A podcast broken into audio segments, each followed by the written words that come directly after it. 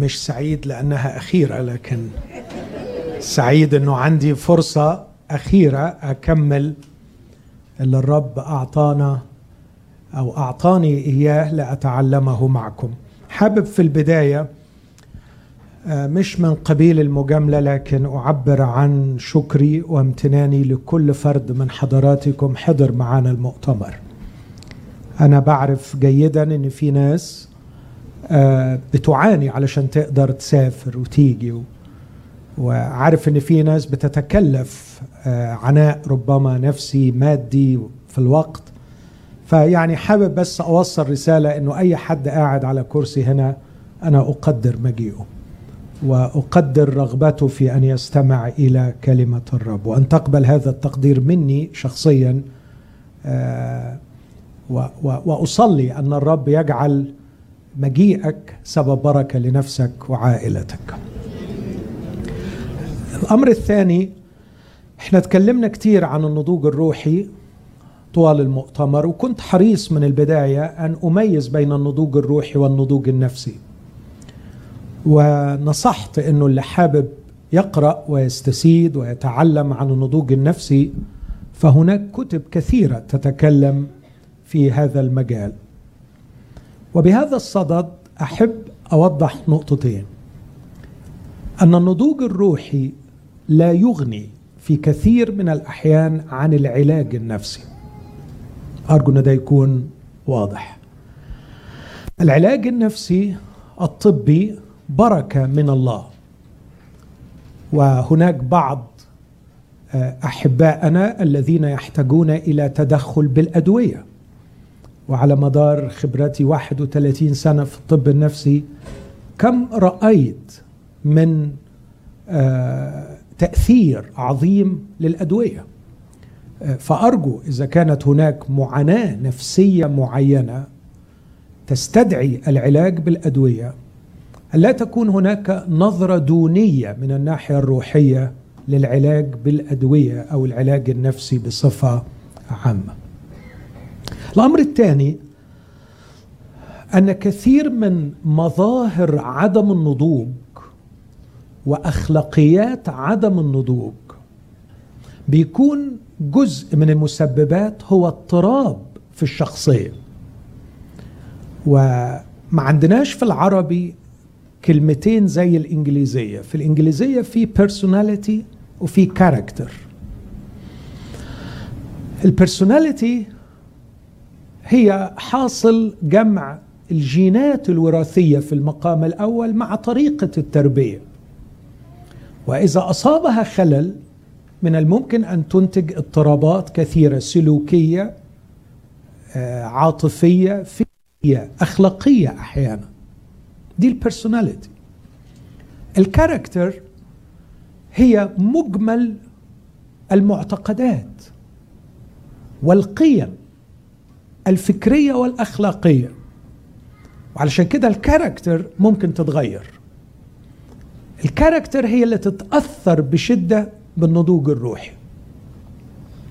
النضوج الروحي اللي كنا بنتكلم فيه طول المؤتمر يتجه في المقام الأول على ال character لتغيير ال character. وتاني لما بقول يعني غير ال character يعني بنغير معتقداتها الفكرية وقيمها الأخلاقية. أشرت إليهم بسؤالين سهلين وقلت إنك تبدأ تراجع تفكيرك في كل ما هو حق أو حقيقي وكل ما هو مهم. برافو. محتاج تكون أمين مع نفسك وأمينة مع نفسك. تقعد مع نفسك وتعمل جرد. إيه الأمور اللي أنا بعتبرها حقيقية في حياتي؟ وإيه الأمور اللي أنا بعتبرها مهمة في حياتي؟ What is true and what is important? وأنا بأؤكد لك لو مارست هذا التدريب لمدة أسبوع هتلاقي روحك بتتغير. ما هو حق؟ إيه الحقيقي؟ إخوتي الأحباء نحن نعيش وأنا أرى أناس اناسا يعيشون لسنوات طويلة محمولين بأكاذيب وعايشين في أكذوبة ومستمرين وهذه الأكذوبة تقودهم إلى تصرفات أخلاقية خاطئة تقودهم إلى مشاعر خاطئة قلق لا داعي له حزن لا داعي له خوف لا داعي له. لأن المنظومة العقائدية والأخلاقية عنده غير صحيحة. عمل الروح القدس عمل كلمة الله عمل عرش النعمة عمل التعليم الكتابي السليم اشتغل على ال character بتاعتنا. ما هي ال character؟ هي ال inner being ما هي ال personality هي ال outer shell ال personality هي الوعاء الحاضن ل your character. ال character بتاعتك بتخرج للعالم من خلال personality وعشان كده ال character شايفها وهي اللي انت ال personality هو اللي الناس شايفاه. فالناس شايفة من بره your personality لكن ال inner being بتاعك الله شايفه وهو ال reality بتاعتك هو حقيقتك. بيطلع من خلال الشخصية بتاعتك. علاج الشخصية مش سهل. علاج ال character سهل. علاج الشخصية اللي بيبقى فيه عنصر جيني وراثي مش عارف أغيره.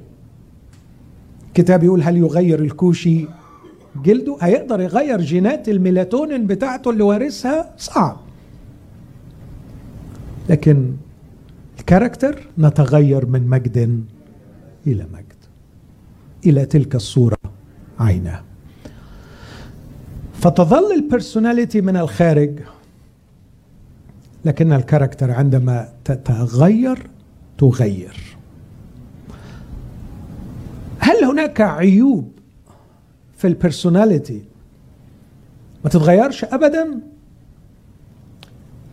خلينا أقول لما تفحص كل عيب تلاقيه ممكن يكون حاجة إيجابية لكن غير منضبطة. فكر معايا. يعني لو شخص مندفع مندفع impulsive الشخص ده سريع للإنجاز بس زودها حبتين.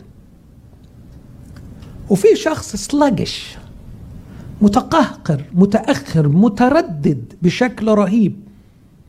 ده بيحتاج وقت علشان فكر كتير ودي ميزة. بس زادت عن حدها فاتقلبت ضدها. عشان كده لما أتأمل في ال personality ممكن أناقشها وأفكر فيها من الناحية دي وأقول وعليه إذا انضبطت ال character ممكن أشياء كتيرة في ال personality تتظبط. خلونا اديكم مثال سريع. أول مرة قابلنا شاول الطرسوسي كتاب يسجل حاجة عن شخصيته يقول أما شاول كان راضيا بقتل استفانوس كان واقف وراضي بقتل استفانوس وبعد كده يقول أما شاول فكان لم يزل ينفث تهددا وقتلا. كان حامل الرسائل من أورشليم إلى دمشق لكي يسوقهم موثقين إلى أورشليم. بس تعرف بعد سنين بولس يكتب عن نفسه ويقول هذه الكلمات. إن اسلحه محاربتنا ليست جسدية بل قادرة بالله على هدم حصون هادمين ظنونا وكل علو يرتفع ضد معرفة الله ومستأثرين كل فكر إلى طاعة المسيح. خدتوا بالكم من ال... خدتوا بالكم من ال... بس في شبه. في شبه. لو تاخد بالك هي نفس الشخصية القوية المندفعة. بس بقت مندفعة في اتجاه صحيح. خد بالك المنظر الأولاني؟ أنا بعنف رايح لدمشق عشان أجيب وأستأثر المسيحيين وأرجعهم إلى اليهودية في أورشليم. بقي بنفس العنف ده بيتجه إلى الأفكار الخاطئة ليستأثر كل فكر إلى طاعة المسيح. لم تتغير ال personality لكن تغيرت character تغير ال inner being الرب يسوع بيقدم لك هذا العرض الرائع إنه يعمل healing لل inner being بتاعك. restore my soul يرد نفسي. يهديني إلى سبل البر. لم تكن رجلي تعرف طريق البر. لكن عندما استرد نفسي من الداخل واصلحها يهدي أقدامنا في طريق السلام يهدي رجلي في سبل البر. هل تظل في النهاية بعض العيوب المستعصية؟ ربما الحقيقة اللي, اللي نابعة من جينات وراثية. لكن تظل كشوكة في الجسد الرب يعطي نعمة أعظم ترتفع بالإنسان فوقها فيبقى بروكن في نقطة معينة لكن الرب بيقدر يغطيه بنعمته. قصدت أقول الكلام ده علشان يبقى عندنا قبول للعلاج النفسي الصحيح السليم علميا وروحيا. لكن كمان نبقى مستعدين إن إحنا نمتلئ بالرجاء أن الرب يغير ال character وعندما تتغير ال character تؤثر بقوة على ال personality أنا ده عملته زي يعني disclaimer كده علشان ما حدش يفهم اللي أنا قلته قبل كده آه، بشكل خاطئ إنه كأنه ما فيش احتياج للنواحي النفسية. أو الدراسات النفسية. النهارده هختم الأفكار اللي ربنا ادهاني مع حضراتكم بما أسميه أفكار عامة وعملية للنضوج الروحي. نضوج الروحي. فهتكلم عن ثلاث أفكار عامة وبعدين هقدم بعض الأدوات اللي تساعدنا في رحلة النضوج الروحي. سؤال أتوقعه نعمل إيه؟ الفكرة العامة الأولى كويس إنها متصلة باللي كنت بقوله من شوية. النضوج الروحي هو نضوج الشخصية. لذلك علينا أن نستثمر في الشخصية. أن نستثمر في الشخصية. وأكبر عوائق اكتشفتها في خبرتي تعطل الاستثمار في الشخصية هم ثلاث عوائق.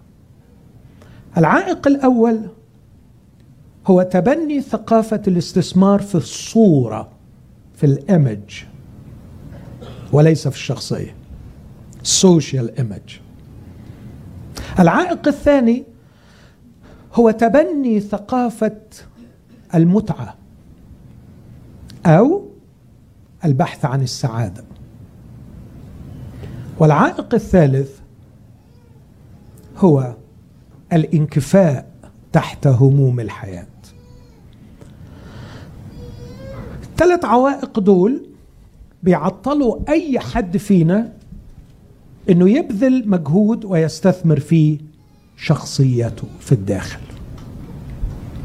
في ناس طبعا أنا ما اتكلمتش عن عائق آخر رابع هو الكسل. إنه هو كسلان. هو مش عايز يشتغل على نفسه. مش عايز يطور من شخصيته. مش عايز ينضج روحيا. ليه بقى الكسل ده راكبه معرفش ممكن تبقى فيه أسباب كتير قوي. مثلا إنه فاهم إنه أذكى أخواته مثلا. إنه نورت العيلة. إنه ماما طول عمرها تقول له أنا بعدك ما خلفتش واللي قبليك ما يتحسبوش. فهو مقتنع إنه هو أحلى حاجة. ده هو نورت العيلة. هم بيقولوا له كده دايما. انضج إيه يا عمي وكلام إيه؟ روح للناس الغلابة كلمهم عن النضوج لكن أنا مية مية. يعني شهادات وخدنا وجمال وربنا ادانا وفلوس وعملنا خلاص نضوج. إيه اللي بتحكي فيه؟ دول دول غلابة. دول أنا شخصيا ما بحبش أضيع وقتي معاهم. اللي عايش في ال bubble دي بتاعت إنه نوارة عيلتهم وأذكى أخواته وأحلى واحد في العيلة ده ده فعلا حرام الواحد يضيع وقت. ده عايز معجزة وأنا ما بعملش معجزات. ده عايز معجزة من ربنا يكسر له دماغه علشان تجي له كده لحظة transparent لحظة insight يجي من فوق كده. فعلا.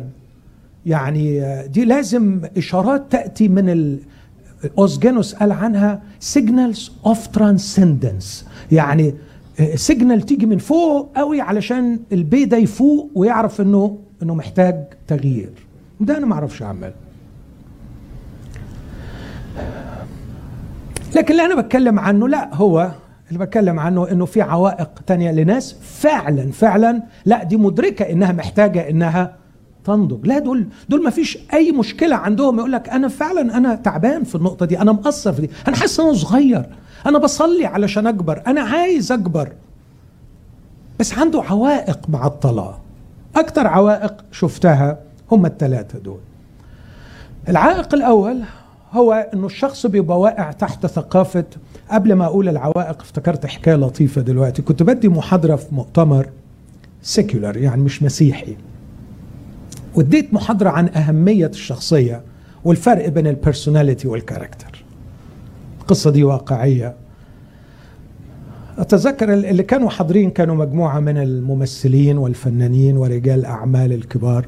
فجالي واحد بعديها وأنا تعرفت عليه وصار صديق بعد كده. قال لي أنا السنة دي ربنا أكرمني وبعت مصنع وكسبت مبلغ كبير قوي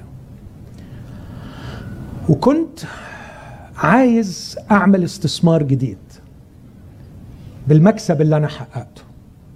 بس أنا بقول لك وحلف إنه أنا بعد ما سمعت المحاضرة دي أنا عندي استعداد أرصد 100 مليون جنيه للاستثمار في شخصيتي. بس قول لي أروح فين؟ قول لي على برامج في كليات في جامعات قول لي على أي حتة أقدر أروحها. أنا اقتنعت دلوقتي إن الشيء الوحيد المهم في الحياة هو my character وعايز استثمر وعندي فلوس قول لي أعمل إيه؟ شعرت بالعجز أجاوب أقول له إيه ده؟ فعلا أجاوب أقول له إيه؟ لكن في نفس الوقت حزنت إن في إخوة مؤمنين كتير. الله ما قدم لهم الشفيع ورئيس الكهنة يسوع وما قدم لهم كلمة الله وما قدم لهم الروح القدس وما قدم لهم معلمين وما قدم لهم عدو بس هم ما عندهمش استعداد إن هم يستثمروا في شخصياتهم أنا مش بقول لك استثمر فلوس لا في حاجات تانية محتاج تستثمر. تعمل إيه؟ هقول تعمل إيه. لكن قبل ما أقول تعمل إيه لازم تتخلص اولا من ثقافة الاستثمار في الصورة. إيه بقى الاستثمار في الصورة؟ الناس يقولوا علينا إيه؟ اعمل التدريب ده النهارده. في كل قرار بتفكر تعمله في كل مرة بتخرج في كل مرة رايح مشوار هتبص تلاقي في قعر راسك كده في حاجة بتقولك الناس هتشوفك إزاي والناس هتقول عليك إيه. إذا لم نتخلص من ثقافة الاستثمار في الصورة لا أمل قط في النضوج الروحي. لو كنا نرضي الناس لما كنا عبيدا للمسيح. علينا أن نكون قاسين على أنفسنا في هذا الأمر. وعلينا أيضا أن نعرف لماذا هذه الاعتمادية المرضية على رأي الناس.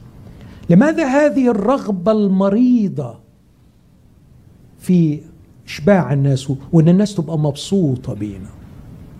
لماذا هذا الضعف الشديد في كيانك الداخلي للدرجة التي معها لا يستقر الكيان إذا لم يكن الناس منبهرين بيك راضين بيك؟ لماذا تجعل حياتك معتمدة كلية على بعض نظرات الإعجاب والرضا الآتية أحيانا من عقول مريضة أو من أخلاقيات فاسدة. لماذا؟ لماذا هذا التشوه الداخلي؟ أعتقد انه ده أمر يحتاج إلى مراجعة أنفسنا من جهة علاقتنا الشخصية الفردية السرية بالرب يسوع. لو كان حبيبي وصديقي ونبع حياتي وليه intimate relationship معه لو أنا ليا داخله وطالعه معاه لو أنا بتصبح بيه وبمشي معاه وبتمسى بيه أعتقد إنه هيكون في نوع من الرضا الداخلي الذي يحميني من هذا التوقع المستمر لرضا الناس وإعجاب الناس. لا نضوج إذا لم نتخلص من الاستثمار في الصورة. وكل واحد فيكم بقى يبدأ يشوف فين مناطق الضعف عنده. دايما بحكي الحكاية دي لما كان في راجل فاضل عنده اولاده راجل مؤمن وعنده اولاده غير مؤمنين. كانوا مأساويين جدا العيال دول فكان دايما يوصيني عليهم.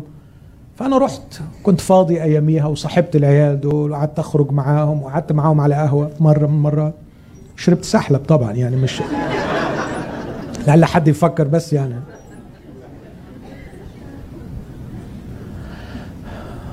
وبعدين بعد ما صاحبتهم لقيت واحد فيهم بيعمل عملة سودة. بيروح على باب الكنيسة والناس طالعة الكنيسة اللي الراجل ده فيها شيخ كبير يعني ويقعد يدخن. فقلت له بلاش حتى دي يعني ليه ليه الإجرام بتاعك ده؟ يقول لي عايز أكسر قلبه. كان يقول لي كده عايز أحرق قلبه. قلت له ليه يا ابني؟ ليه بتعمل كده؟ يقول لي عشان انت ما تعرفش كمية العلا اللي أنا خدتها وأنا صغير بسبب كلمة الإخوة يقولوا عليا إيه. أنا كنت بتضرب على رجليا بالعصاية علشان حضرته الإخوة ما يقولوش عليه حاجة وحشة. أنا بنتقم دلوقتي. هذا الأب المسكين كان يؤدب ابنه منطلقا من ثقافة الاستثمار صورتنا قدام الكنيسة. الكنيسه تقول علينا إيه؟ ده أنا يا ابني عايش على حلم إنك تروح معايا الكنيسه وتقعد جنبي والناس تهنيني. إن ابني قاعد جنبي تطلع لي فضيحة. طب تعالى بقى أنا مش هخليك تفضحني. خد على دماغك. والولد صغير وجسمه قليل ياخد العلقة والجرح. يزداد. لغاية ما جات الفرصة. الجسم كبر والإرادة اتحررت وينتقم. وينتقم. اوعوا من فضلكم. تعلمت هذا الدرس فكنت دائما أقول لأولادي أرجوكم إياكم أن تفعلوا شيئا واحدا لأنكم أبناء ماهر صمويل. أو تعملوا حاجة مخصوص علشان لست مدين لكم بشيء. لا أريدكم أن تفعلوا شيئا من أجلي. افعلوا شيئا من أجل أنفسكم. إذا رأيتم شيئا صوابا افعلوه فقط لأنه صواب. لكن أنا حر منكم. وحتى إذا أخطأتم سأعاني بسبب خطأكم. لكن لا أريدكم أن تمتنعوا عن الخطأ حفاظا على صورتي. سأتحمل معاناة الصورة السيئة وأصلي لأجلكم حتى ينقذكم الرب. لكني لن أقبل أن تفعلوا شيئا غير حقيقي مزيف. لمجرد أن أنا بالليل أنام وأقول يا سلام عيالي يشرفوا. لا أنا متشرف بيسوع مش بعيالي. ومش عايش علشان عيالي يشرفوني. كفاية الشرف إني صرت ابن لي وخادم لي وعبد لي. الكلام كثير في هذا الأمر لكن أكتفي بما قاله بولس. قال أنا لا أرضي الناس. ولو كنت أرضي الناس لم أكن عبدا للمسيح. كونوا أحرار من الناس. لقد اشتريتم بثمن. فلا بولس بيقول كده فلا تصيروا عبيدا للناس. تعرف إن دي آية عبيدا للناس. تبقاش عبد لحد. واللي بيعيشوا عايزين يرضوا الناس وخايفين على صورتهم في عينين الناس من غير ما يدروا بيبقوا عبيد للناس وبيلعنوا الناس جواهم. بس مش قادرين يبطلوا ياخدوا جرعة رضا الناس والانبساط بالناس وانبساط الناس بيهم. العائق الثاني هو البحث عن المتعة. إنك تبقى في كل حاجة pleasure oriented بتدور على السعادة. السعادة دي مرتبطة بحاجات كتير قوي ملهاش دعوة بال character المتعة دي ملهاش دعوة بال character اسمعني كويس. ال character السليمة الشخصية ال inner being السوي السليم هو أكتر كائن يعرف يستمتع. بيعرف يستمتع. بس لما بيستمتع على فكرة جمال الشخص الناضج خلينا أقولها كده الشخص الناضج روحيا في الداخل هو أكتر شخص بيعرف يستمتع. فالله ليس ضد المتعة ولم يخلق شخصيات ناضجة يا حرام إنه يعمل لها ديبريفيشن أو تبقى يعني ما بتعرفش إنها تستمتع. بالعكس هي دي اللي بتعرف تستمتع لعدة أسباب أقول منهم بعض الأشياء. إنه يفضل يستمتع وعمره ما يبقى ادكت لكن هيفضل دايما حر يستعمل الشيء الذي يمتعه ويستمتع به لكن الشيء ده ما يعرفش يستعمله. لكن أيضا جميل متزن إنه لما بيستمتع يعرف ياخد القدر المظبوط. التاني بيبقى زي العبيط ما دام حاجة ممتعة يعمل إيه؟ ها؟ يسوق فيها. خلاص الحكيم يقول وجدت عسلا فكل كفاياتك لئلا تتخم فتتقيأه.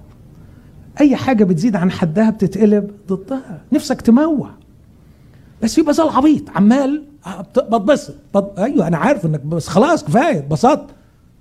الحياة مش كلها انبساط. في انبساط وفي شغل. الناضج روحيا لا يصير عبدا للمتعة ويأخذ من المتعة القدر المناسب. لكن في حاجة ثالثه مهمة قوي الناضج روحيا عنده تنويع في مصادر المتعة. التاني عبيط غشيم ما يعرفش نوع أو نوعين ويلزق فيهم ويعب منهم وهم دول اللي يعرفهم. لكن التاني بيعرف يستمتع بعشر حاجات. يعرف يستمتع من الأكل يستمتع بالرياضة يستمتع بالقراءة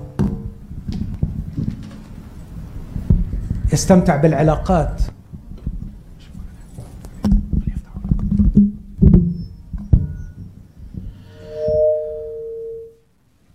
يستمتع بالإنجاز يستمتع بالعطاء يستمتع بالأخذ. وفي كل حاجة من دول يبقى عنده عشرة خمستاشر مصدر بيعرف ياخد من كل واحد منهم شيء يمتع فبيبقى مستمتع. التاني الغير ناضج لأنه لسه عبيط. أول ما بيلاقي حاجة ممتعة يعمل إيه؟ يمسك يكلبش فيها بإيديه وأسنانه ويبقى هي دي هي دي هي دي لغاية ما تستعبده وتحطمه تبوظ حياته ويبقى ادكت ليها وما وما ولا يطلع ولا يتعرف على بقية أنواع المتع. لكن أنقل شوية من حتة المتع لكلمة أخطر عارف إنها تبقى حساسة شوية السعادة. الشخص الناضج لا يعيش من أجل السعادة. هقولها تاني. الشخص الناضج لا يعيش من أجل السعادة. السعادة عنده by-product outcome السعادة عنده تيجي تحصيل حاصل لكنها ليست هدف الحياة. طبعا أنا متخيل واحد يقول إيه الوعظ ده؟ لا طبعا. طيب لو مش عاجبك وعظي روح ادرس روح اتعلم روح اقرأ وانصحك إنك تقرأ الشخصيتين مش مسيحيين مش مؤمنين ملهمش دعوة بالإيمان المسيحي. اقرأ الواحدة اسمها إيمي سميث عملت كتاب مؤخرا اسمه The Power of Meaning. والسبتايتل بتاعت الكتاب There is more for life than to be happy. هناك في هذه الحياة ما هو أكثر؟ من مجرد انك تكون سعيد. إيه هو؟ The power of meaning.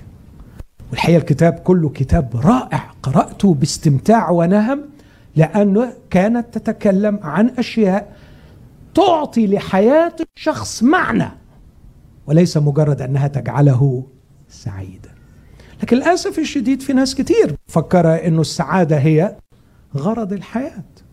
الشخص الثاني اسمه روي باوميستر وده من اكبر ال psychologist اللي بحثوا في موضوع السعادة وهل إحنا نعيش علشان نكون سعداء؟ والدراسة بتقول إن الناس اللي بتعيش عشان السعادة هم أكتر ناس بيكتئبوا.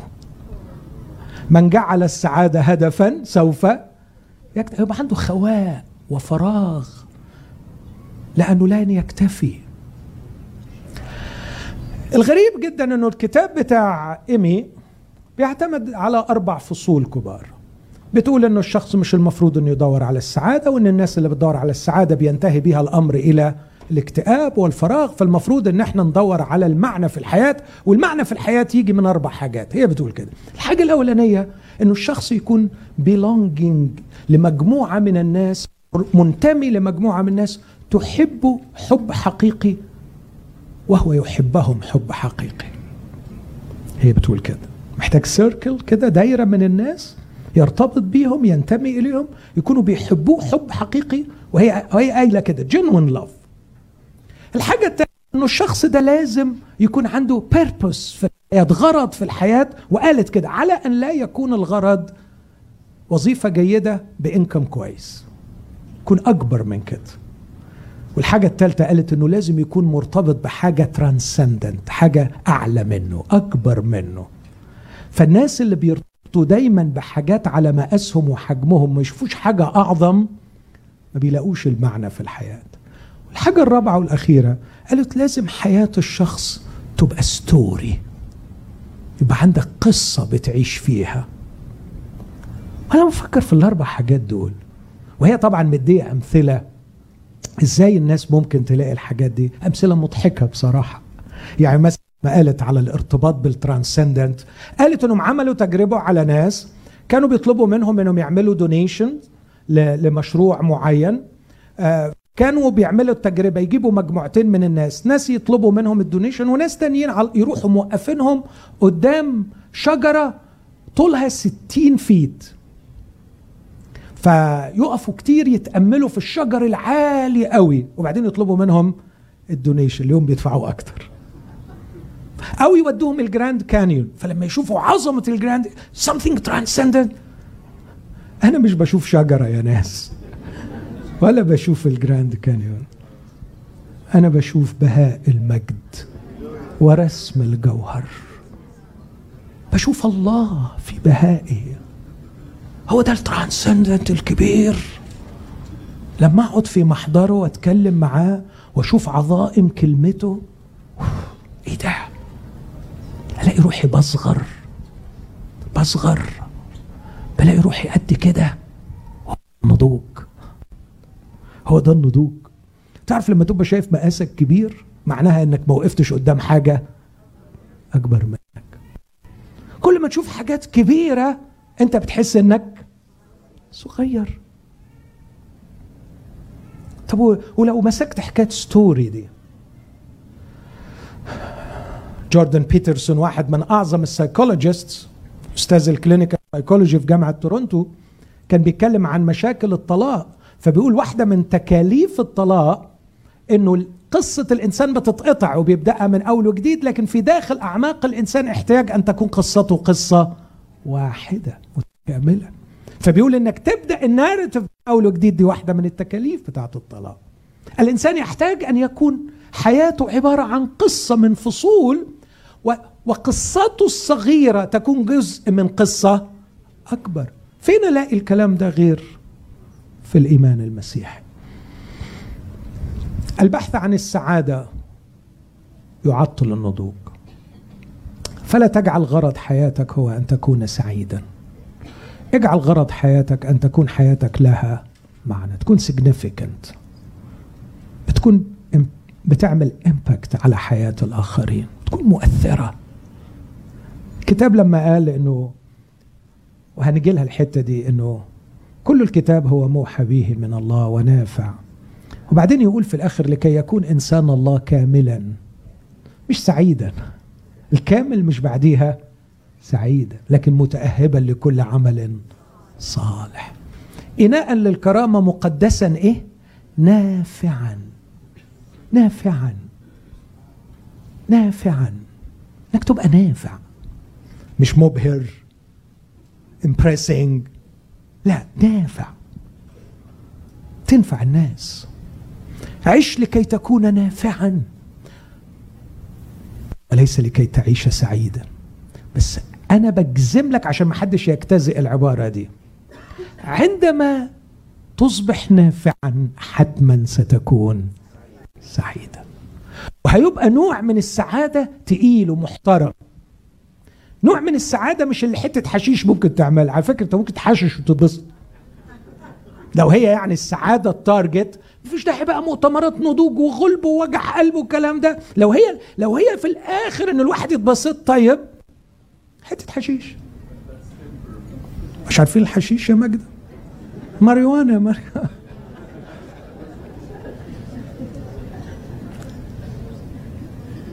العائق الأخير واحد ممكن يقول لي ولا أنا الحقيقة مبسوط بالكلام عن النضوج وكلامك حلو خالص النضوج الروحي والاستثمار في الشخصية وإن الواحد وأنا هقول إزاي تستثمر في الشخصية بعد كده الشخصية الروحية بتاعتك. وأنا مستعد إن أنا أستعمل اللي أنت قلته ده إن أنا يعني أرتبط بكلمة الله والصلاة وأتحمل الألم وأدخل في علاقة مع أعضاء الجسد. وكل الكلام ده أنا مستعد بس أصل أنت حضرتك ما تعرفش ظروفي. أنا مطحون. أنا مطحون. أنا ظروف الحياة مخلياني مش عارف أرفع رأسي. الكلام اللي أنت بتقوله ده كلام حلو جدا للناس الفاضية. تعرف فكر معايا في في في سخافة الفكرة دي. يعني أنت مطحون؟ مطحون يعني شخصيتك مش قادرة تتحمل ضغوط الحياة. خدت بالك خدت بالك أنت هتوافقني على دي. شخصيتك مش قادرة تتحمل ضغوط الحياة. خدت بالك أنا قلت إيه دلوقتي؟ إيه اللي مش قادر يتحمل؟ يبقى العلاج هو إيه؟ إن الشخصيات تبقى قادره على تحمل هموم الحياة. وإحنا اللي عمالين نتكلم في النضوج ونعزق ونحرد في النضوج علشان خاطر إيه؟ شخصيه بالعكس بسبب هموم الحياة ينبغي أن تكون ناضجا مفيش حاجة هتعينك على هموم الحياة زي النضوج. لو عايز تبقى عندك ريزيلينس الصلابة والمرونة الداخلية لكي تواجه ضغوط الحياة أنت محتاج تبقى ناضج.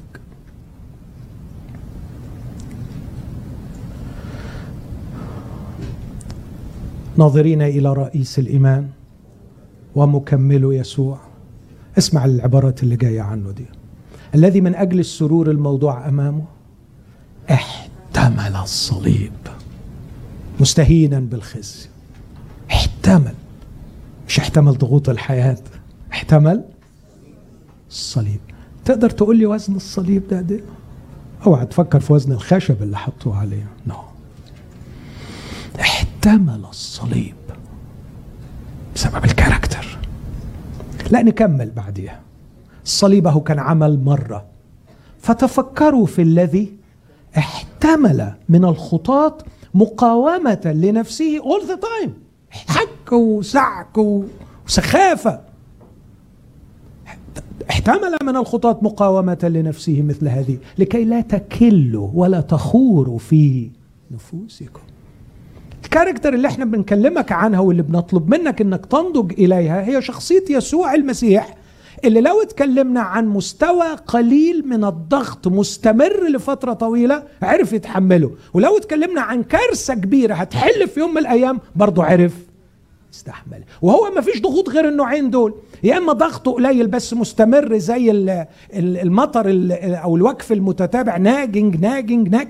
حاجة كده بتزن عليك تعباك على طول أو إنه تفاجئك الحياة في يوم من الأيام بخبر مروع.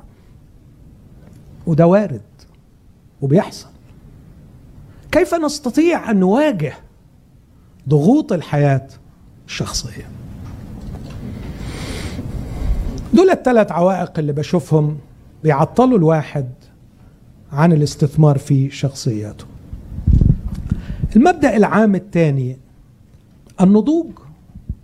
الكلمة اليوناني اللي ترجمت كمال أو نضوج في الكتاب المقدس كمال في الترجمات العربية ماتيوريتي في كل أو معظم الترجمات الإنجليزية تيليون.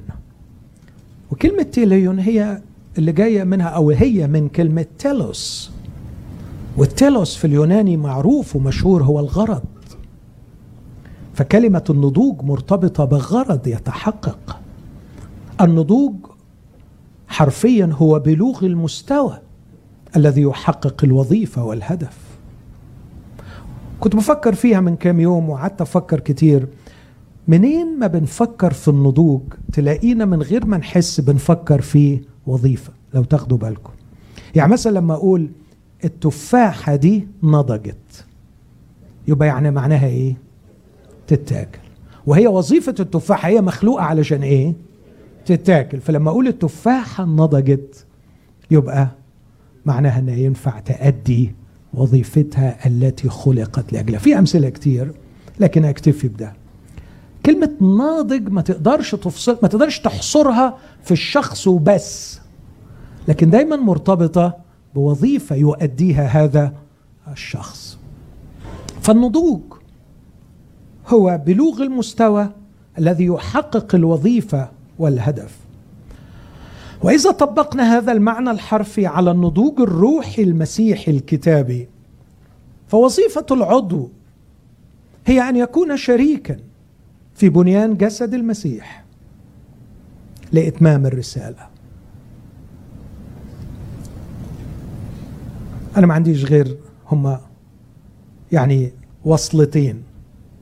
وصلة أتوصل بيها بإخواتي ووصلة أتوصل بيها بالعالم.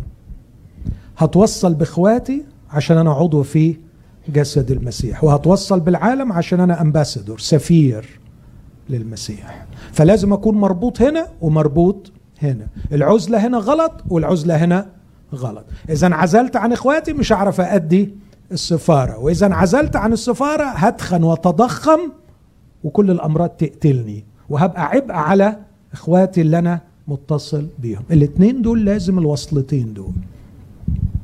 فلا بد من الالتحام وأنا اي مين التحام. التحام بأعضاء الجسد.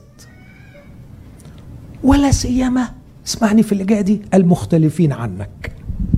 ما في حد ينضجك إلا إنك تحب إخواتك المختلفين عنك. أنا عارف دي هتعمل لي مشاكل. يعني ولفت. التحم اقترب أحبب إخوتك في أعضاء الجسد المختلفين عنك.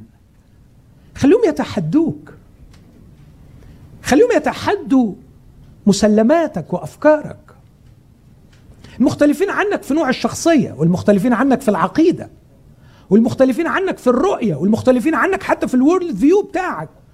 التحم بهم اسمع يا أخي اسمع يا أخي اقترب اتعلم اتفرج شوف. طالما إنه ما فيش هرطقات واضحة طالما إنه ما فيش شرور أخلاقية واضحة وأنت متأكد إن ده عضو في جسد المسيح قرب. واتعلم واحدة من أكبر معطلات النضوج إنه الناس المتشابهة يدفدفوا على بعض ويقعدوا مع بعض ودي تبقى ال comfort zone بتاعتهم وما لهمش دعوة بأي حد تاني. فيقعدوا يقعدوا يقعدوا لغاية ما الكمكمة تطلع وبعدين يبدأوا إيه السوس يشتغل فيبدأوا ياكلوا في بعض. لا تخف. لا تخف من أن تلتحم بإخوتك المختلفين عنك. وأنا عارف إنه ده مش سهل لأنه في قيادات هتمنع ده. عارف ده. بس أعتقد إنه عندنا مشكلة كبيرة إنه في النهاية كل واحد سيعطي حسابا عن نفسه. ما حدش هيقدر يقول له فوق إنه حد قال لي ما تعملش أو ما تقربش أو ما تروحش. لكن أيضا التحم بإخوتك لكي تبنيهم وتعطيهم الفرصة أن يبنوك. أنا مش عايز أقول كلام يبان منه إن أنا بتواضع يعني. على فكرة أنا مش متواضع.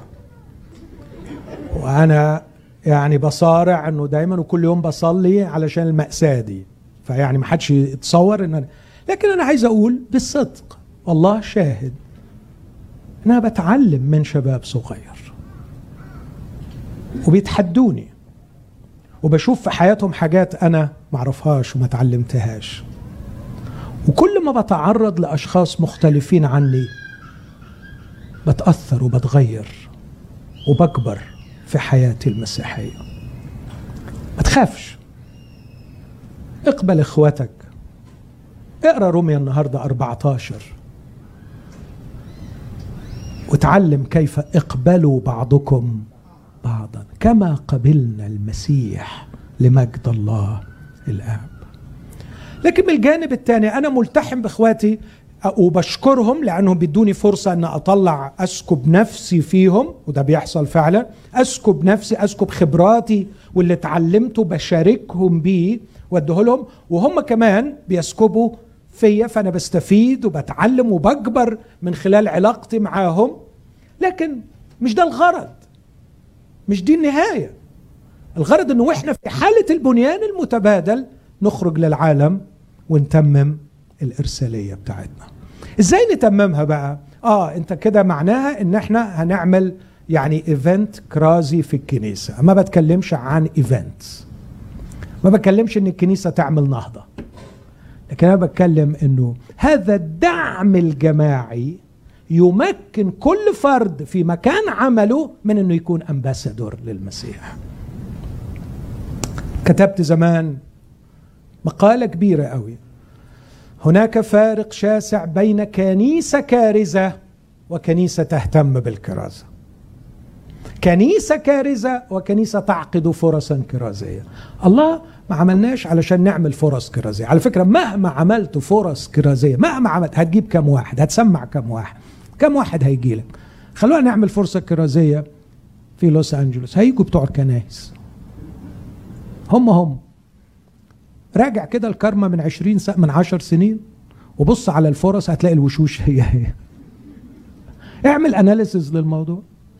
قليل قوي الجديد لكن انت لو عندك 500 مؤمن it enable them إنهم يروحوا اشغالهم وال business بتاعهم وتجارتهم ويقابلوا العيانين بتوعهم والجيران بتوعهم وكل واحد مولع مولع إنه لازم يكون إنجيل متحرك ولازم يوصل الرسالة وبيعيش لي الاتيتيود ده 365 يوم في السنة.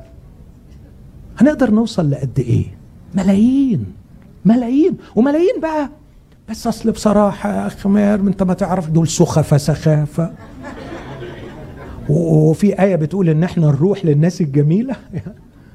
دول أصل دماغهم زلطة وبعدين بيسألوني أسئلة ما بعرفش أرد عليها. طب وإحنا يعني هنروح للناس اللي ما بتسألش؟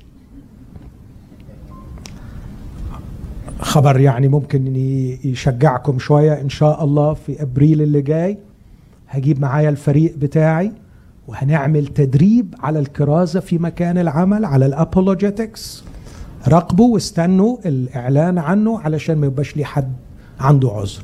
وهنعمله بالعربي وبالإنجليزي. علشان عايز تكلم أصحابك الانجليزي اللي بيتكلموا أمريكاني هتلاقي. عايزهم يتكلموا عربي هتلاقي. بس جهز نفسك إنك تتدرب على الابولوجيتكس كيف تجيب عن أسئلة هؤلاء الملحدين والمتشككين واللي من ديانات مختلفة. وانت بتقدم الإنجيل لغير المسيحيين انت يعني مستني إن هم يقول لك يا راجل كنت فين من زمان؟ ده إحنا مستنيينك وإحنا كنا عطشانين للكلام الحلو ده. لا طبعا.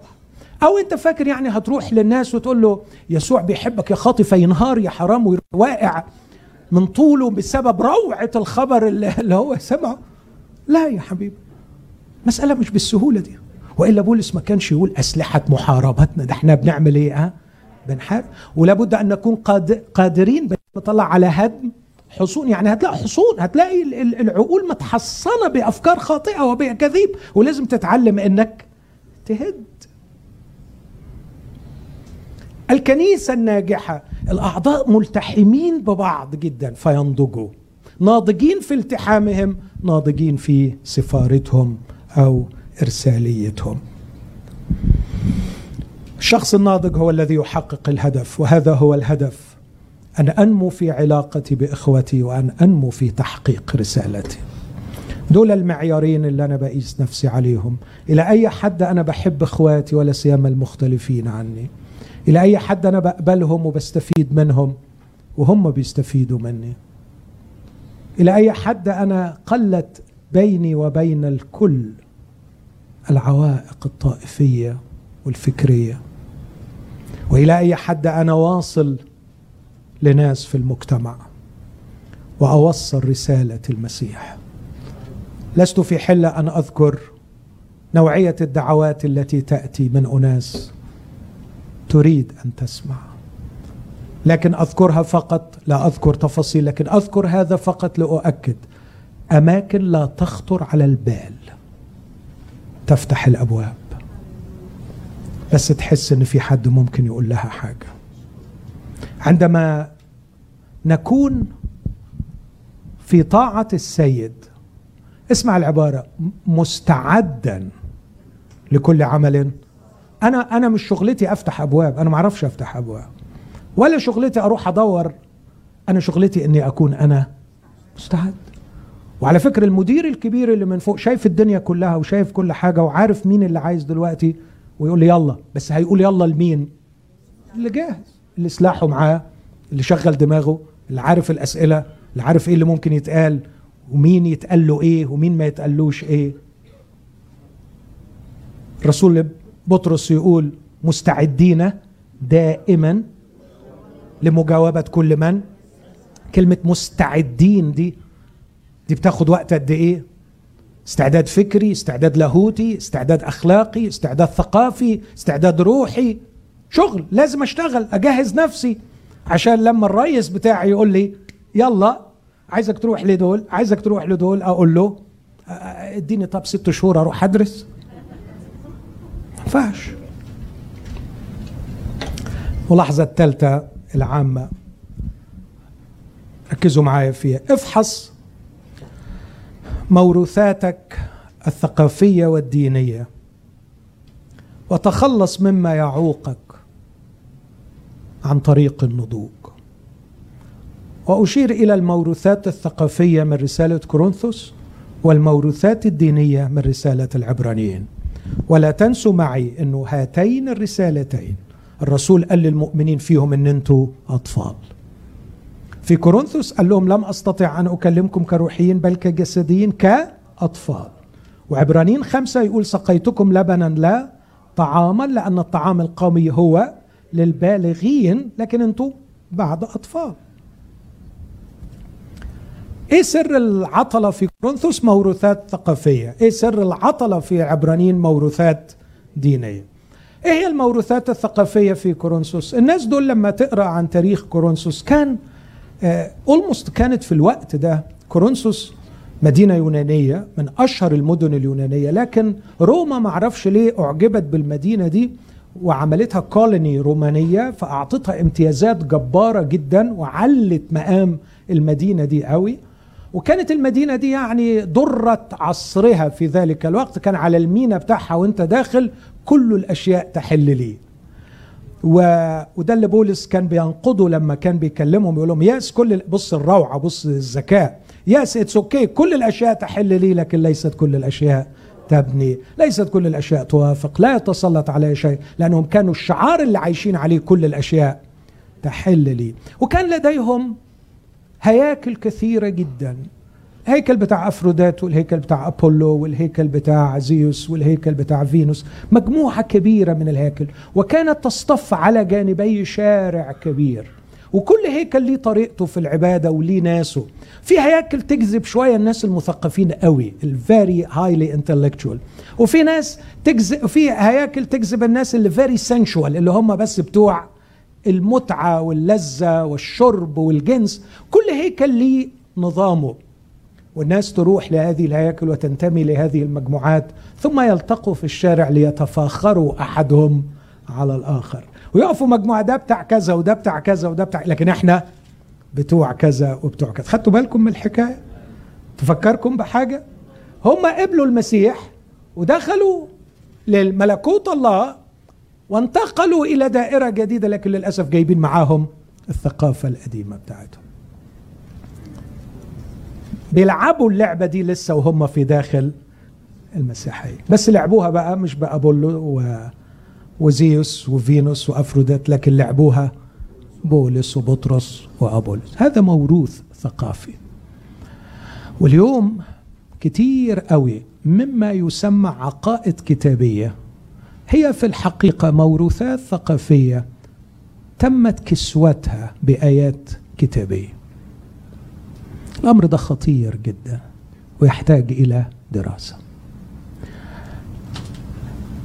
الكتاب على عيني وراسي. أنا بقولها أي مين يعني أنا مش ببالغ لكن كتير. لغاية النهاردة الصبح مثلا أول ما بسحب الكتاب بحطه على راسي وأقبله وأحتضنه. أحب كلمة الله. بس ما تضحكش عليا. ما تضحكش عليا وتجيب لي معتقد وموروث ثقافي بشري وتلبسه لي آية كتابية عشان ترهبني بالنص وتقول لي ده الكتاب بيقول لا حاسب الله يطول عمرك. أنا برضو ربنا اداني عقل لازم أشغله وأحاول أتعلم وأفهم إيه اللي موروث. وعلى فكرة ممكن الموروث يطلع زي الفل من غير ما تلبسه. آية هات لي آية في العهد تقول إن الناس تبني مجمع ويروحوا يجتمعوا فيه. مفيش. مفيش. ده موروث ثقافي عند اليهود من القرن الثاني قبل الميلاد حكاية المجامع اليهودية. بس يسوع لما جه عمل إيه؟ راح المجامع. وكان بيدخل ويقرأ كل يوم سبت. مفيش مشكلة خالص. بس ما يجيش حد يقول لي ده نص كتابي. فأنا مش رافض الموروث. لكن أنا بقول أرفض الموروث الذي يعطل النضوج. لما جم بقى يقولوا له ليه تلاميذك بياكلوا بقى؟ قال لهم يا لا جاب لهم وحط فيهم بقى. أنتوا بس شغالين تنظفوا ومضيعين وقتكم تنظفوا تنظفوا من بره والدنيا متنيلة من جوه. أيها الفريسي الأعمى. ومرة تانية قال لهم أنتوا أبطلتم وصية الله بسبب تقليدكم وتقاليد الشيوخ التي تسلمتموها ولم تزل. كل الطوائف المسيحية أرجو ما حدش يفهمني إني بتكلم عن طائفه معينه كل الطوائف المسيحية لديها موروثات تحتاج إلى إعادة فحص. راجع موروثاتك الثقافية. لكن أيضا راجع موروثاتك الدينية. الإخوة في العب في العبرانيين فضلوا أطفال لسبب بسيط جدا. بولس قال لهم أنا مستغرب إنه كل السنين دي في الإيمان المسيحي وقاعدين بانيين إيمانكم على ست حاجات وإحنا أبحرنا بعيدا عنهم طويلا طويلا من 20 25 سنة. إيه الست حاجات اللي الإخوة؟ قال لهم غير واضعين أساس التوبة تاركين كلام بداءة المسيح. بداءة أقوال الله. يا جماعة المفروض نتقدم إلى الأمام. إيه اللي كانوا حاطين؟ بيقولوا التوبة من الإيمان بالله والأعمال الميتة. تعليم المعموديات ووضع أو الغسلات ووضع الأيادي. قيامة الأموات والدينون الأبدية. هو ده إيمانهم المسيحي هو ده الموروث الدين. أيوه بس الإيمان المسيحي وسع الدنيا خالص وغير المفاهيم وكبر الدنيا. يعني ما عادش فيه الغسلات مثلا. بس هم كانوا وارثين موروث يهودي حكاية الغسلات الكتير فقاعدين متمسكين بالغسلات مسألة وضع الأيادي مسألة المفهوم المختصر جدا للواقع الأبدي الإسكاتولوجي. كل ده اتغير في الإيمان المسيح. بس الإخوة العبرانيين قاعدين ماسكين فيه ومش قادرين يتغيروا لأنه جايبينهم اليهودية. كانت النتيجة إنهم ظلوا أطفال. أنا عارف ان يعني زودت عليكم العبء. صح؟ زاد الحمل بس أفكركم وإحنا بنتكلم في مؤتمر عن إيه؟ عن النضوج. عايز عايز أسألكم سؤال. عيالكم نضجوا؟ إن شاء الله. أمين. إن شاء الله. بس إيه أسألك سؤال كده قدام ربنا. طلعوا عينك ولا لأ؟ على ما ينضجوا. اوعى تقول لي لا كانوا so easy وجمال. بيحصل أحيانا بس دي فلتات يعني ما تقولش عنها لحد عشان ما تعقدش الناس. يعني لو ربنا كرمك بواحد نضج كده very smoothly وكان جميل ولطيف وبيعمل كل اللي نفسك فيه من غير ما يعني يوريك النجوم في عز الظهر ده يعني يبقى ربنا أكرمك بيه ما, ما تقولش لحد عليه عشان الناس ما تحبطش وما تتضايقش. لكن الواقع العام في عيل بينضج بالسهل. يا ما غلب يا ما سهر يا ما بكى يا ما, ما شفتش أباء مكسورين قد اللي مكسورين على أولاد. ما فيش حاجة بتجيب الرأس فعلا وتجيب القلب في الأرض إلا العيال. يعني ممكن يعيا 100 عيا ممكن يخسر كل حاجة. قادر يقف على حيله. بس تيجي في عيل من عياله تلاقيه ليه؟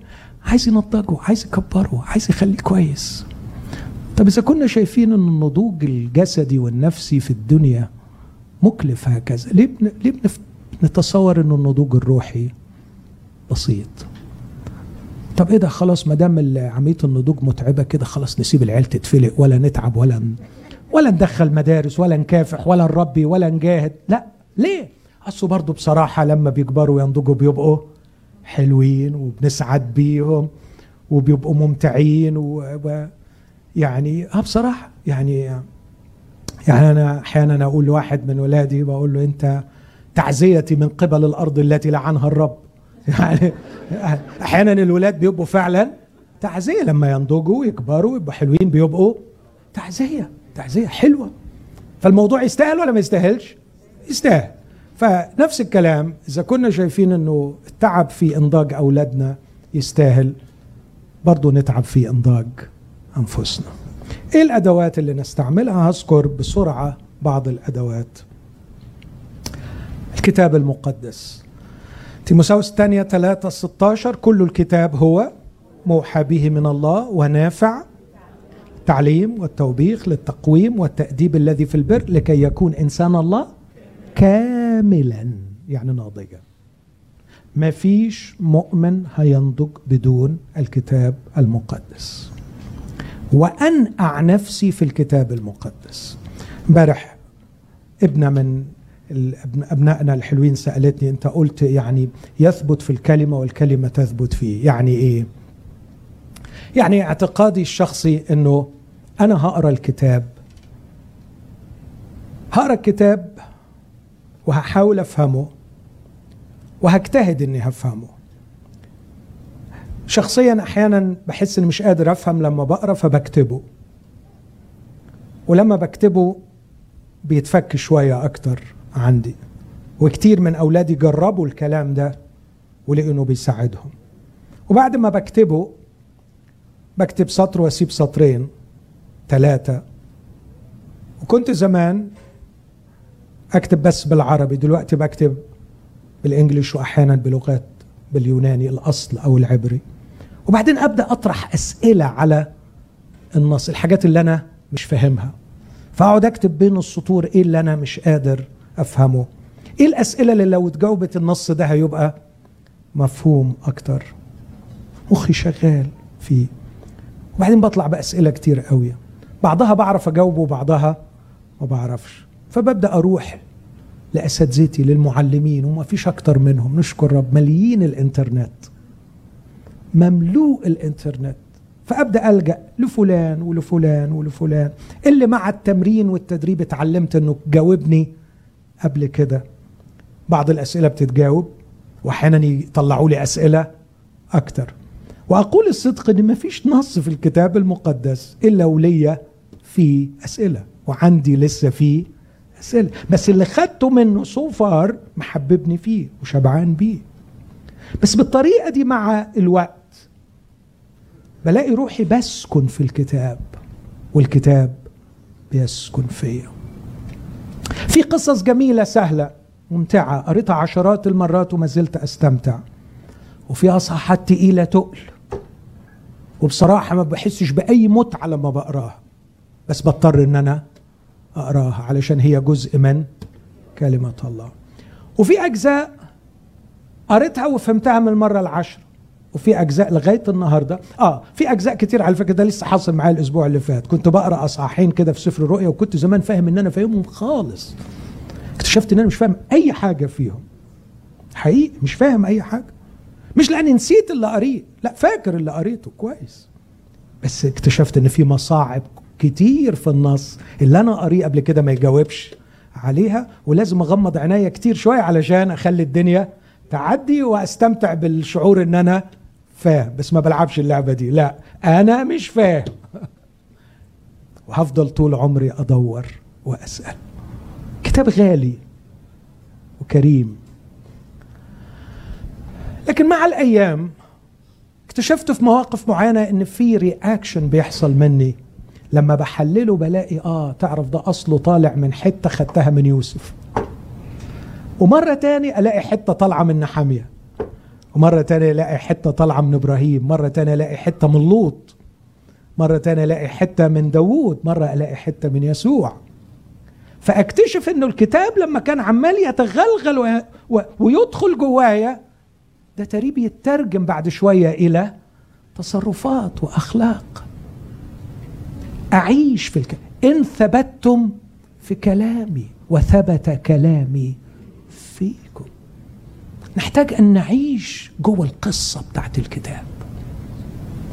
انتي رايت لاهوتي إنجليزي مشهور قال حاول أن تتخيل هذا التخيل إنه لقيوا قصة لشكسبير من خمس فصول بس فصلها الرابع مفقود. ولأنه ده شكسبير فقالوا الواحد أديب كاتب مبدع خد الأربع فصول اللي موجودين وحاول to improvise إنك ترتجل تخترع الفصل الرابع المفقود. وهو لأنه أديب شاطر هيعمل الحكاية دي وهيحاول يطلع الفصل المفقود. طلعه إزاي؟ قالوا لازم يعمل حاجتين هو بيقول كده.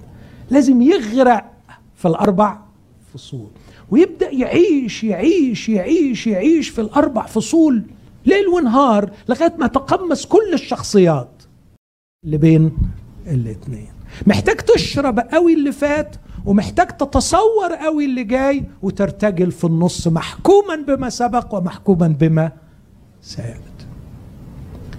هذه هي ال authority بتاعت الكتاب المقدس. ال authority بتاعت الكتاب المقدس مش إنه آه هكذا يعني آه آخد نص كده وأطلع منه حلال وحرام.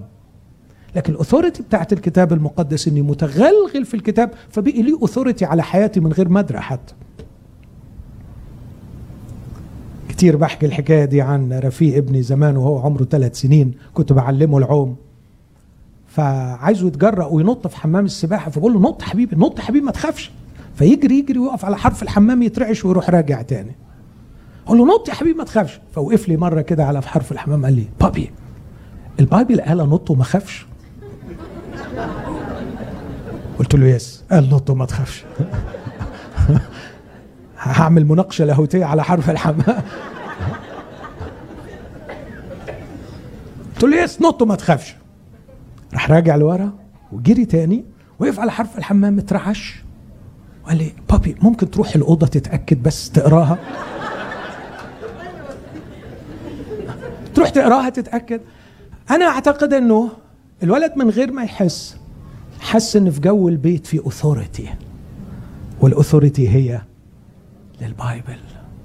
كلمة الله لها سلطة تصيغ الحياة. بس مش السلطة زي ما رفيق تصورها إن أروح أقرأ إنه في مكتوب نط في الحمام وما تخافش. ولسه في مؤمنين لغاية دلوقتي بيتعاملوا مع سلطة الكتاب المقدس بالطريقة دي. إن عايز نص يقول لي آه روح سيب آه البلد دي وروح البلد دي وروح الشغلانة دي واعمل كده واتجوز. مش كده خالص مش كده خالص. لكن هذا الكتاب مرسل من الله لكي يصيغ لي عقلي.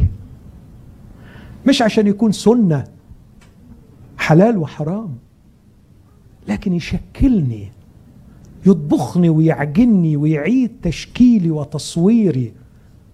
إنسانا جديدا مخلوق بحسب الله في البر وقداسة الحق. الكتاب المقدس. التعليم اللي أنتوا عاملينه ده وتعبير روحكم فيه وجايين مؤتمر وبتقعدوا كل الوقت ده تسمعوا لأنه عايزين تعليم مش كده؟ كلوسي واحد 28 بولس كمعلم بيقول الكلمات دي. كلوسي واحد 28 يقول في عدد 28 الذي عن الإنجيل الذي ننادي به منذرين كل إنسان ومعلمين كل إنسان بكل حكمة بص العبارة اللي جاية. لكي نحضر كل إنسان كاملا في المسيح يسوع. إخوتي الأحباء لا نضوج بدون التعليم. وإذا كانت كنيستك عبارة عن ترانيم and that said في حاجة غلط. وإذا كانت كنيستك عبارة عن كرازة وترانيم ذات said في حاجة غلط. الكنيسة تحتاج إلى تعليم. لأنه بدون التعليم لا يوجد نضوج. الأمر الثالث اللي مش هنحبه هو الألم. يعقوب واحد العبارة الشهيرة. يقول هذه الكلمات احسبوه كل فرح. يعقوب واحد اثنين احسبوه كل فرح يا إخوتي حينما تقعون في تجارب متنوعة. عالمين أن امتحان إيمانكم ينشئ صبرا. وأما الصبر فليكن له عمل تام. ليه؟ لكي تكونوا تامين. وكاملين غير ناقصين في شيء. أنا عارف إن ده كلام مش لطيف لكن أرجوكم يا أحبائي أن نكون متزنين في نظرتنا للألم. الألم ليس شيئا يعني لذيذا ليس شيئا محببا لكن ونحن في عالم ساقط وفينا الطبيعة الساقطة أصبح الألم لا مفر منه من أجل النضوج الروحي. sorry to say it بس هي دي الحقيقة. لا مفر من الألم لخلق الفضائل المسيحية. هو هنا اتكلم عن فضيلة الصبر. طب قول لي إزاي الصبر يجي لو ما كانش فيه ضيق؟ عايزني أكون صبور. عايزني أتعلم الغفران وأطور فضيلة الغفران. طب إزاي هعرفها من غير ما حد يظلمني ويغلط في حقي؟ عايزني أطور فضيلة التعفف. طب إزاي أقدر أطور فضيلة التعفف بدون التمتيشنز؟ وهكذا. الألم ألم الحرمان يعلمني التعفف. داود يقول له سكت وهدأت نفسي. نفسي نحوي كفطيم لكن بعرف أسكتها. قلت لكم من كام يوم من امبارح باين ولا أول؟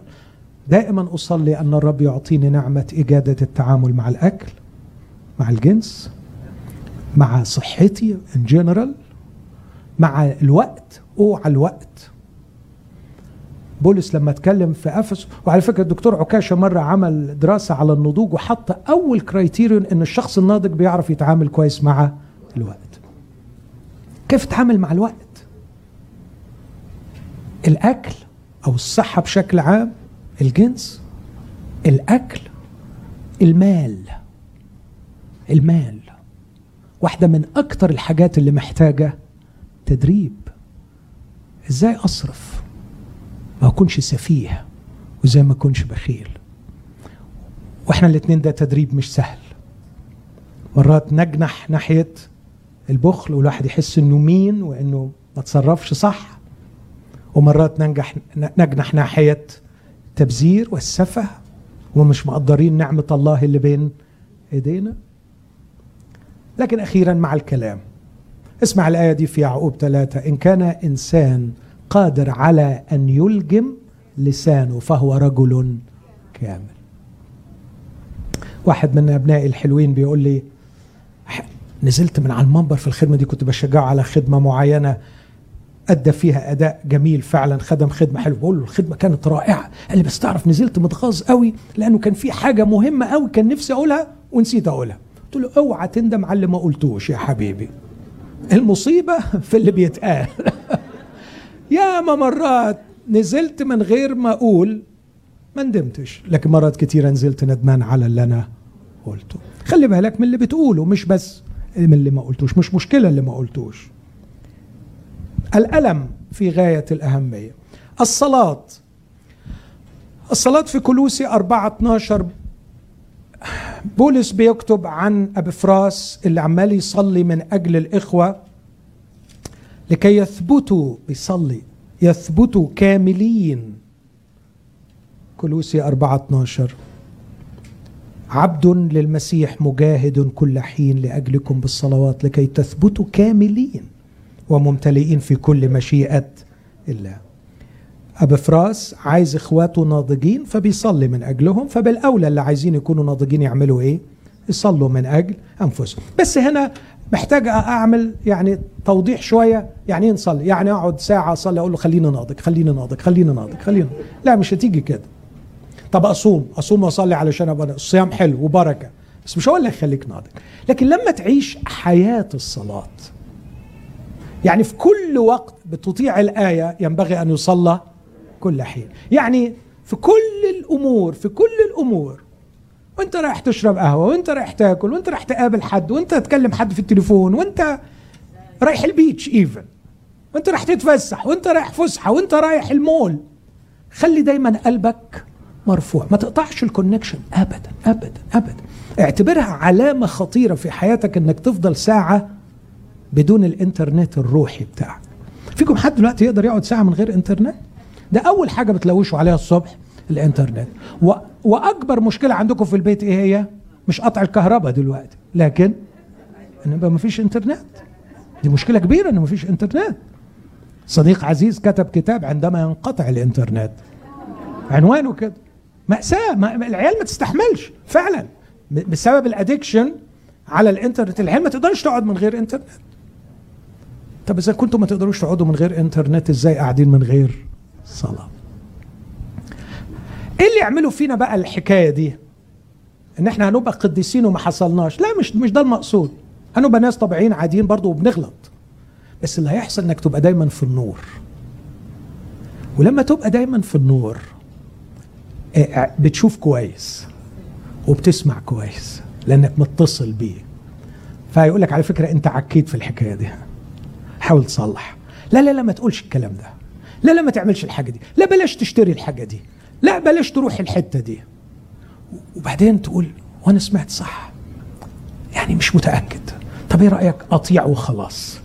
وتطيع. وبعدين تلاقي نتائج رائعة بسبب الطاعه فتقول آه يبقى أنا سمعت صح. فلما تتكرر معاك مرة تاني تقول أيوة الإحساس ده هو بالظبط اللي ظبط معايا المرة اللي فاتت وخلاني عملت الحاجة الصح. فمع الذين بسبب التمرن. صارت لهم الحواس مدربة. لكن لو بتعمل الحكاية دي مرة كل شهرين يا حبيبي هت... هتنضج إمتى؟ هتنضج إمتى؟ أوعى تقول لي هنضج هناك. أنا خايف من الحتة دي. على فكرة أنا اعتقادي يعني العمر اللي هتدخل بيه هناك هتفضل فيه هناك. هتبقى مبسوط. أضمن لك يعني. هتبقى مبسوط. بس إيه حجم اشتراكك في عمل الله هناك؟ ده قصة تاني أخيرا اللي ذكرته التمرين. نحتاج أن نتمرن. الذين بسبب التمرن. تمرين تمرين الإرادة تمرين العقل على إنه يفهم مشيئة الله ويميزها. ذكرت أثناء الخدمات الله لا يريد اناسا يصنعون مشيئته لكن يريد أن يطور أناس قادرين على صنع مشيئته. ربنا قادر يؤمر والأمور كلها تحصل لكن هو عايز يطور ناس تفهمه وتعمل له اللي هو عايزه. يبقى كسب حاجتين كسب الحاجة اللي عايزها وكسب الشخص اللي عملها. وفرحته الحقيقة بالشخص هتكون فرحته أكتر من اللي عملها. عنده ابن يشرف بيعرف يعمل مشيئة أبيه.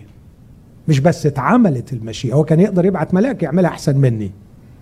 لكن فرحته إنه طور ابن قادر على أن يفعل مشيئة أبيه. أنا خلصت. بس عايز أختم معاكم بحاجة غريبة. الرسالة اللي بتتكلم آه عن النضوج. اكتشفت النهارده إن كان عندي مؤتمر من 14 سنة عن النضوج. فقلت أشوف أنا قايل فيه إيه. فلقيت إن أنا عامل مقارنة فيه بين رسالة كورنثوس الأولى ورسالة فيليبي. أنا بس للأسف الورقة اللي كتبت فيها المقارنة نسيتها. رسالة كورنثوس الأولى ست أضعاف فيليبي في عدد الكلمات. ست أضعاف بالظبط ست أضعاف فيليبي في عدد الكلمات اليونانية. بس كورنثوس مذكور فيها اسم يسوع 13 مرة. فيليبي مذكور فيها اسم يسوع 49 مرة.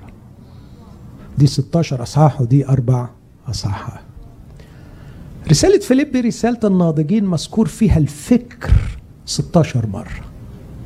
رسالة كورنثوس الطويلة العريضة 16 أصحاح مذكور فيها الفكر مرة واحدة. لا اسمع بقى اللي, اللي, اللي يفرس. تعرف المرة الوحيدة اللي جت فيها كلمة فكر في كورنثوس؟ وكطفل كنت أفتكر. وكطفل كنت أفتكر. رسالة فيليبي اللي هي صغيرة الأربع أصحاحات 16 مرة كلمة فرح. رسالة كورنثوس طويلة العريضة ثلاث مرات وهقولهم لك. أول مرة فيهم والذين يفرحون كأنهم لا يفرحون. تخيل تخيل. وبعدين المحبة لا تفرح بالإثم. لا تفرح بالإثم. ما تفرحش بالشر ما تفرحش بالإثم. وهو كان عايز يقول لهم إن أنتم ما عندكمش محبة. ما عندهمش محبة. والمرة الأخيرة قال لهم أنا أفرح بأخائيكوس وفرتاناتوس ومش عارف مين الثالث لأنه نقصانكم قد أجبروا يعني يسوع مش سايد ومفيش فكر ومفيش فرح. عندما نصل للنضوج الروحي أسيب معاكم الثلاث أفكار دول. هيبقى يسوع مالي الصورة. مالي العين والكيان؟ هو الشغلة والشغلانة والشاغل والهدف. هيبقى كل شيء. كمان هيبقى في فكر محترم. فليكن فيكم الفكر الذي في المسيح يسوع. هيبقى في عقل. هيبقى في عقل. هيبقى في عقل يا هو. هيبقى في عقل. مرات كثيرة بنحس إن أكتر حاجة ضايعة هي العقل. محتاجين عقل. لكن كمان هيبقى فيه فرح. النضوج في ثلاث كلمات. كما أراها في رسالة النضوج ب contrast غريب مرعب مع رسالة كورنثوس اللي بيقول لهم فيها ثلاث مرات ان أنتوا أطفال. ثلاث مرات بيقول لهم أنتوا أطفال. رسالة فيلبي رسالة النضوج في ثلاث كلمات. أربع إصحاحات 49 مرة. يسوع المسيح. يسود المشهد. 16 مرة فكر. 16 مرة فرح. عندما أنضج سأشبه يسوع وسيكون لي عقل يسوع وأيضا سأفرح بفرح يسوع. خلونا نقف نصلي مع أخونا ناصف.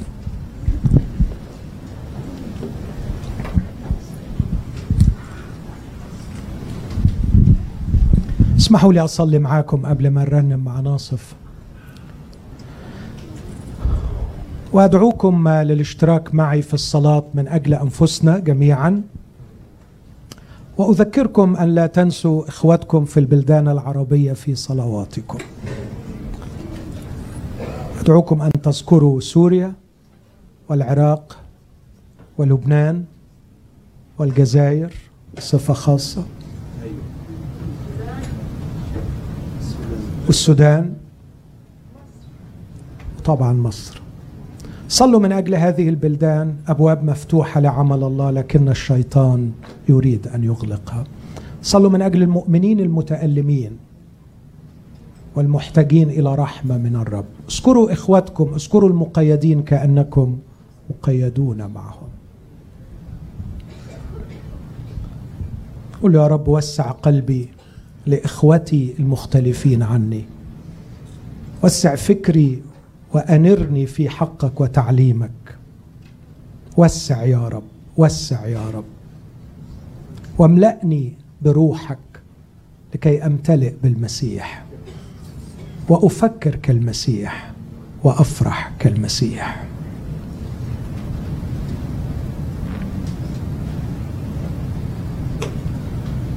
أبانا أستودعك. ما كلمتنا به في هذا المؤتمر. أرجو يا أبانا أن تعطينا نعمة أن نطيع ما علمتنا إياه. إن كنت وبختنا فأعنا لنتوب. إن كنت صححت مفاهيم لدينا فأعنا لنطيع. وإن كنت أعطيتنا رؤى وأحلام لمستقبلنا فشجعنا لكي نمتلئ بالرجاء أن القادر أن يفعل فوق كل شيء أكثر جدا مما نطلب أو نفتكر بحسب القوة التي تعمل فينا. أنك في النهاية ستجعل المجد لك فينا يا أبانا. أرجو أن تبارك إخواتي الذين حضروا واجعلهم بركة لعائلاتهم ولكنائسهم. وارجو أن تبارك هذه الكنيسة بخدامها شيوخها وأعضائها والتاعبين الذين أعدوا لنا هذه الفرصة. كافئهم. أذكر أحباءنا أخي ناصف والذين ساعدوا في الترنيم. اعلن للجميع وشجع بأننا عالمين أن تعبنا فيك. ليس باطلا. لك يا أبانا كل الحمد. امين